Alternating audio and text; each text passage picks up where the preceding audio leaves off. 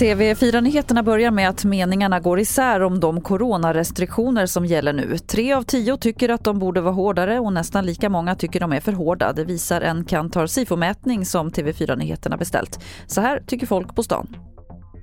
Jag tycker de är lite mässiga.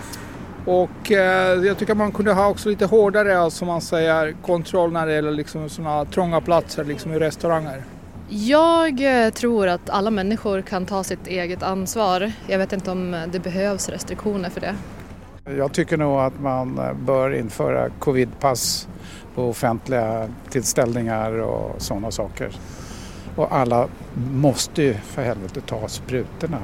Utan vaccin så, så kommer vi aldrig bli av med det här. Idag kommer domar mot tre män som åtalats misstänkta för att ha mördat en man på Årstabron i Stockholm i september 2020. En 21-åring och en 28-åring ska enligt åtalet ha stämt träff med offret och sen skjutit honom. Och en 30-årig man som beskrivs som en högt uppsatt person i kriminella nätverk misstänks också ligga bakom mordet.